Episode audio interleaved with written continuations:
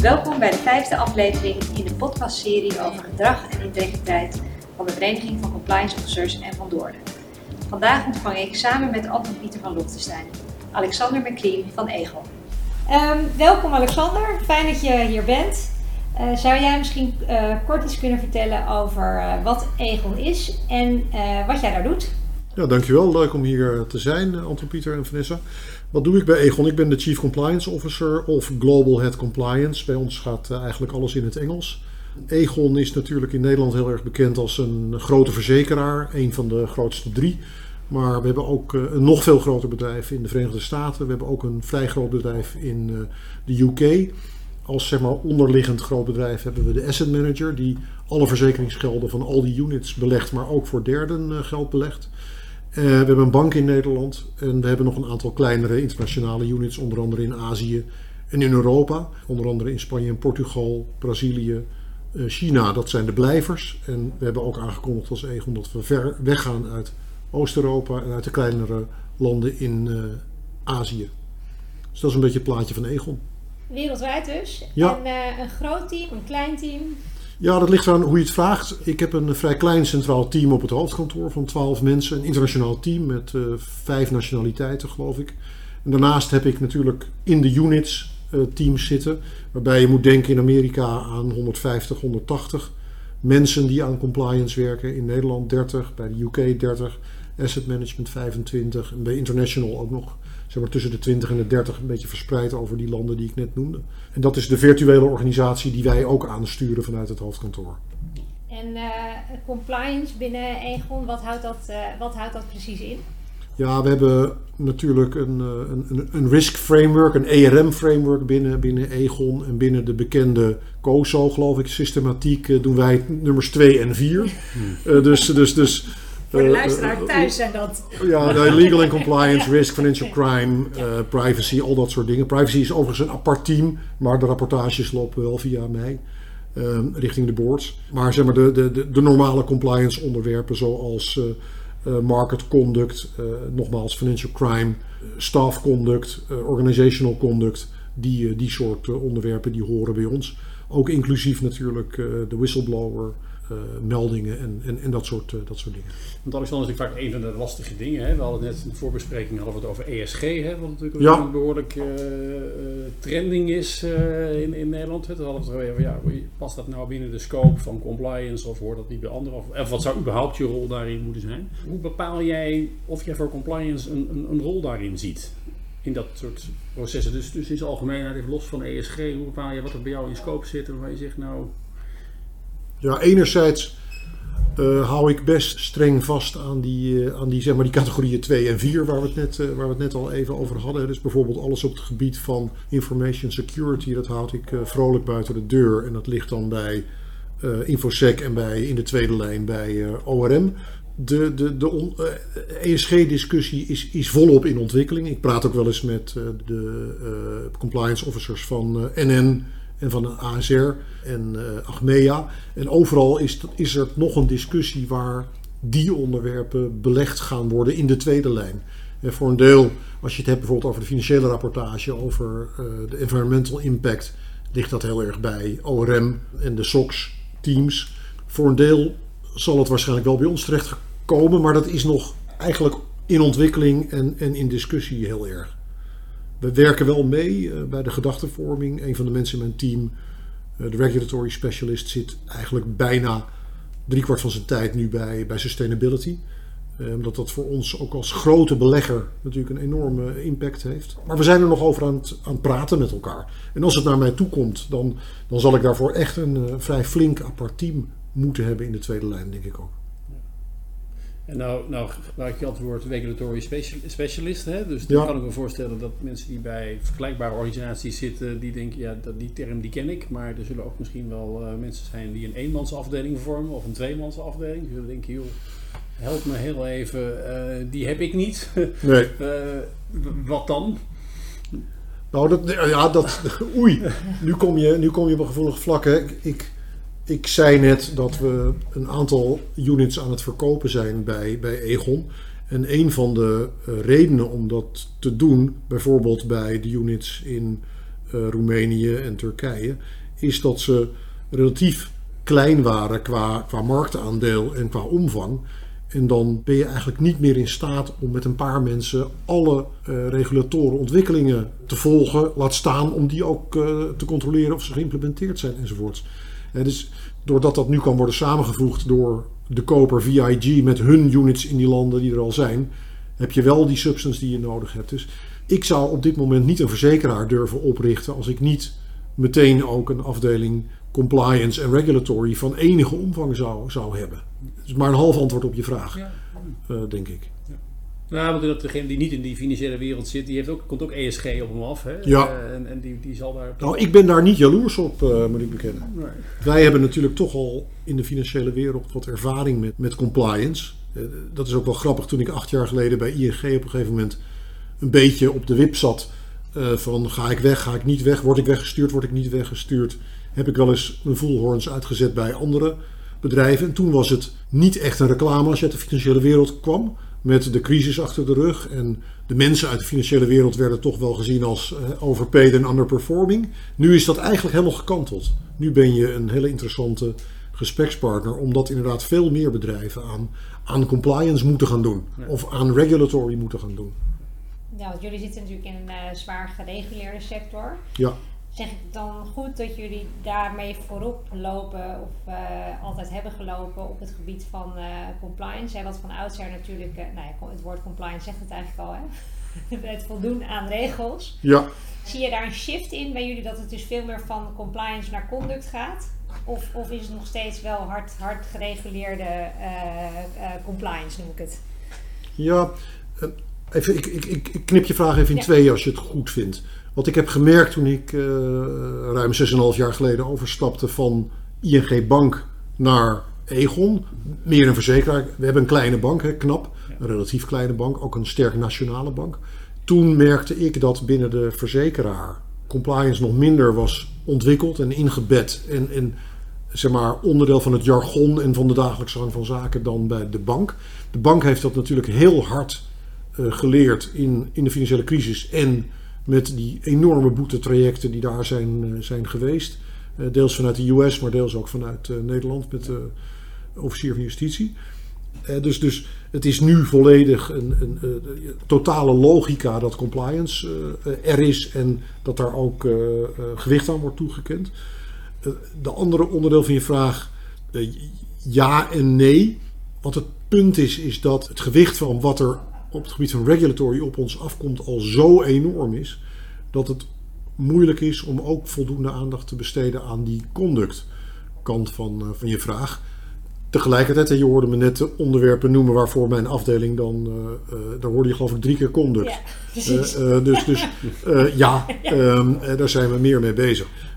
Wat niet wil zeggen dat, dat we al, althans bij Egon, al heel veel uh, tijd en aandacht besteden aan bijvoorbeeld soft control, monitoring of dat soort dingen. Ja.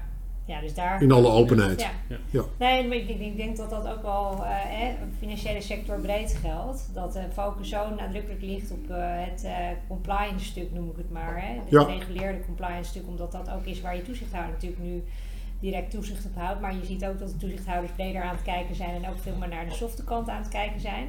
Ja. Uh, hè, meer het, het integriteitsstuk noem ik het maar. En ik, merk jij dat ook bij de verzekeraar, zeg maar, de, de, de, dat dat zo speelt?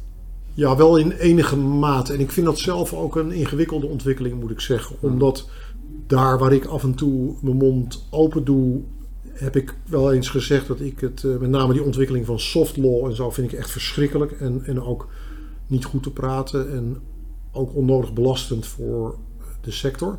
En als je dan ziet dat allerlei toezichthouders ook uh, het toezicht op soft controls nog tot hun debiet gaan rekenen, dan wordt dit alleen maar heftiger. Uh, tegelijkertijd weten we natuurlijk met z'n allen ook dat als je in een bedrijf zeg maar, je soft controls helemaal op orde zou hebben, dan, dan heb je misschien veel minder behoefte aan compliance. Dus dus ja. ik, ik zit een beetje op de wip daar. En ik vind die scope creep echt angstaanjagend. Ehm, en een van de favoriete dingen, grappen die ik wel eens maak. Hè, ik, we hebben thuis geen compliance officer. Uh, die hebben we helemaal niet nodig. En, je zou hem eigenlijk nergens nodig moeten hebben. Maar dat is wel pas als je die softcontrols op orde hebt, denk ik. Moeilijke vraag, Vanessa. Ja, ja en, en, een dilemma uit de praktijk noemen we. Ja, ja, ja. zeker, zeker. Ja. ja. Nou ja, en wat natuurlijk ook lastig is, natuurlijk iedere crisis die, die roept weer nieuwe regels op. Waardoor je natuurlijk als je niet oppast weer vooral bezig bent met de implementatie van de regels. Ja. Omdat die nou eenmaal makkelijk afdwingbaar zijn ook. En dus dat je aan dat andere weer daardoor weer noodzakelijkerwijs minder aan toekomt. Of dat helemaal ja. goed is, daar kun je het over hebben. Maar dat zie ik wel. Want hoe is dat voor jullie? Want Egon, ja, jullie zitten ook in een zwaar gereguleerde organisatie. Hè? En ik weet nog dat we 10, 15 jaar geleden, toen ik ook nog in die wereld zat nou, nu hebben we toch de meeste wet en regelgeving wel gehad. Ja, hè? Dat, heb ik ook heel vaak gedacht. Ja, en, en toch zie je er toch iedere keer weer nieuwe dingen komen. Hè? Of ja. vanuit Nederland komen of vanuit Europa of, of uh, wereldwijd. Sanctie, sanctiewetgeving, nou zeker nu denk ik, kan me voorstellen bij jullie een hot topic. Hoe, hoe ga je daarmee om? Hoe manage je dat? Nou, Zorg je in controle blijft op dat vlak? Nou, kijk, de notie van in control zijn, die heb ik al heel lang geleden losgelaten. Uh, dat is ook mijn vaste antwoord als iemand uit de Raad van Commissarissen vraagt van zijn we in controle, dan zeg ik nee. Ik weet één ding zeker, we zijn niet compliant. Uh, nou, dat, dat, vinden ze dan eerst niet leuk, maar dan begin ik uit te leggen wat we, wat we wel doen en dan, dan wordt het al wat, wat beter. En als je het hebt over bijvoorbeeld nu die, die evenementen met, met Oekraïne en bijvoorbeeld zo'n boete als aan ING of aan ABN AMRO werd gegeven, wat er dan gebeurt bij Egon. En voor een deel leef ik dan toch ook een beetje bij de waan van de dag en moet ik acteren op de crisis die zich, eh, die zich voordoet. Nou was natuurlijk ING en ABN AMRO zijn geen crisis, maar de boord wil dan wel meteen weten hoe staan wij ervoor en, en, en, en, lopen wij hetzelfde risico. Ja. dus daar moet je dan, ja, dan laat je al het andere vallen en dan ga je aan het werk. En dat gold ook voor die, voor die Oekraïne-crisis die zich aandeed uh, nu ruim twee maanden geleden. dan zie je dat er bij Egon meteen het crisis management team wordt, uh, wordt ingericht op boordniveau. En dan in het begin hebben we dagelijks gerapporteerd over hoe we ervoor stonden met onze sanctions screening en welke hits uh, we zagen. En op een gegeven moment ontdekten wij bij Egon, of ontdekten wij, hebben we vastgesteld dat eigenlijk de impact zowel in de, in de beleggingen relatief klein was. En dat we op het gebied van relevante sanctions hits eigenlijk ook beperkt konden rapporteren. Dus, uh, en dan ga je langzamerhand weer uit de crisismode en, en wordt het gewoon de dan pak je de dagelijkse routine weer op. En kun je ook voor compliance weer wat breder gaan kijken dan alleen uh, sanctions. En, en uh, jullie zijn ook sterk in de Amerikaanse markt, uh, ja. zei net. Uh, als we het dan toch over dilemma's hebben. ik kan me voorstellen dat de, aan de ene kant de US en aan de andere kant Europa en de rest van de wereld ook tot de nodige lastige ja. uh, dilemma's leidt. Is dat zo? Of gaat de US voor en komt dan pas Europa? Of zeg je nee, we zijn Nederlands, dus dat is zoals we doen? Als wij gewoon naar ons bedrijf kijken, dan is de US gewoon echt overweight. Dus de US is in, aan alle kanten het belangrijkste binnen, binnen ons bedrijf. We zijn ook nog beursgenoteerd ja. in Amerika. Uh, dus we hebben ook met de SEC uh, uh, van die kant te maken. DNB is aan de andere kant de leading toezichthouder op de groep dus, dus we hebben daar een hele fascinerende dynamiek, uh, als, als je het zo wil zeggen. En, en dat leidt ook geregeld tot uh, dilemma's, maar ook tot, uh, tot het moeten dienen van twee heren. En DNB heeft, en dat is ook goed, een college of supervisors in, ingesteld bij ons. En dus daar zit DNB dan met de Iowa-toezichthouder, waar we dan onder vallen. Die staat is de lead staat. Daar, daar, zit onze hoofdvestiging. En, en de andere relevante toezichthouders. En die praten ook geregeld met elkaar en dan zitten wij dan ook voor een deel bij. dus, dus ik kan geen eenduidig antwoord op je vraag nee, geven. Nee, maar het is, is uh, wel heel verhelderend. Want ik, ja. van de buitenkant hè, vraag ik me altijd af hoe ga je... Het is onmogelijk namelijk inderdaad om alle, alle heren... en dan in het bijzonder de twee heren, namelijk je home regulator en de regulator... die uh, uh, nou ja, de belangrijkste is door, ja. door je presence daar, ja. te dienen. ook omdat de regels niet overal hetzelfde zijn. Nee, nou, on that note, en sorry voor het Engels, maar in, in de Verenigde Staten is historisch de keuze gemaakt om het bankentoezicht federaal te organiseren, maar het verzekeringstoezicht is per staat. Dus wij hebben met 50 staten te maken, zes regio's, zoals Guam en Puerto Rico. Dus uit 56 richtingen kan er regelgeving op ons afkomen. En dat gebeurt ook, daadwerkelijk. De Oklahoma-toezichthouder kan net wat andere regels instellen dan de Alabama-toezichthouder. Soms werken ze samen, dan zijn er ineens 35 staten die samen een stuk regelgeving doen, maar de andere 15 doen dan weer niet mee. dus de, de, de compliance officer, mijn collega in Amerika, heeft nog weer een hele andere dynamiek dan ik eh, af en toe. Ja. Je benijdt hem niet, hem of haar. Nou, nee, niet, niet, niet in dat opzicht wel maar we werken heel, uh, heel goed samen. Nee, maar uiteindelijk hè, ben jij uh, voor, de, voor de, de, de, Raad van Bestuur en de Raad van Commissarissen van Egon Groep ben jij het aanspreekpunt. Ja. Dus als je die persoon in Amerika niet benijdt, dan indirect jouzelf ook niet. Want uiteindelijk ja. als het daar fout gaat, zullen ze toch ook eerst naar jou gaan kijken. Ja. Hoe, hoe is jouw verhouding tot die RVB, RVC? Zie je die mensen vaak of is dat heel formeel of juist heel informeel? Ja, ook hier weer een beetje gemengd antwoord. Ik, ik rapporteer aan uh, Onno van Klinken, die is general counsel van de groep. En hij zit in de management board. En dat is zeg maar het, het, het, het hoogste orgaan. We hebben dan formeel nog een EB van twee mensen. Maar de management board is dus zeg maar wat je bij een ander bedrijf de raad van bestuur zou noemen. Dus ik heb een superkort lijntje naar de raad van bestuur. En ik heb daarnaast nog een escalatielijn, zowel naar de CEO, maar vooral naar de voorzitter van de audit committee van de raad van commissarissen, Caroline Ramsey. En ik spreek haar iedere zes weken en ik heb iedere drie maanden sowieso een gesprek van een uur met haar. En voor wat betreft de board, ik, ik, ik presenteer mijn kwartaalrapport zowel in de management board als in de supervisory board elke drie maanden. Dus, dus dat is een beetje het ritme dat we hebben. En daarnaast heb ik nog gesprekken met de auditor, PwC in ons geval, en met DNB. Want die krijgen een afschrift van precies hetzelfde rapport. We houden niks achter wat dat betreft. En voor, de, voor degenen die luisteren, die uh, zeg maar wederom de één of de tweemans compliance afdeling, of in wat zou je die adviseren qua contacten RVB, RVC? Dat... Ja, wat wij hebben gedaan is, we hebben het gewoon goed opgeschreven in een charter, waarin we ook hebben vastgelegd een zekere onafhankelijkheid en de duidelijke escalatielijnen en de rapportagelijnen en ook de toegang.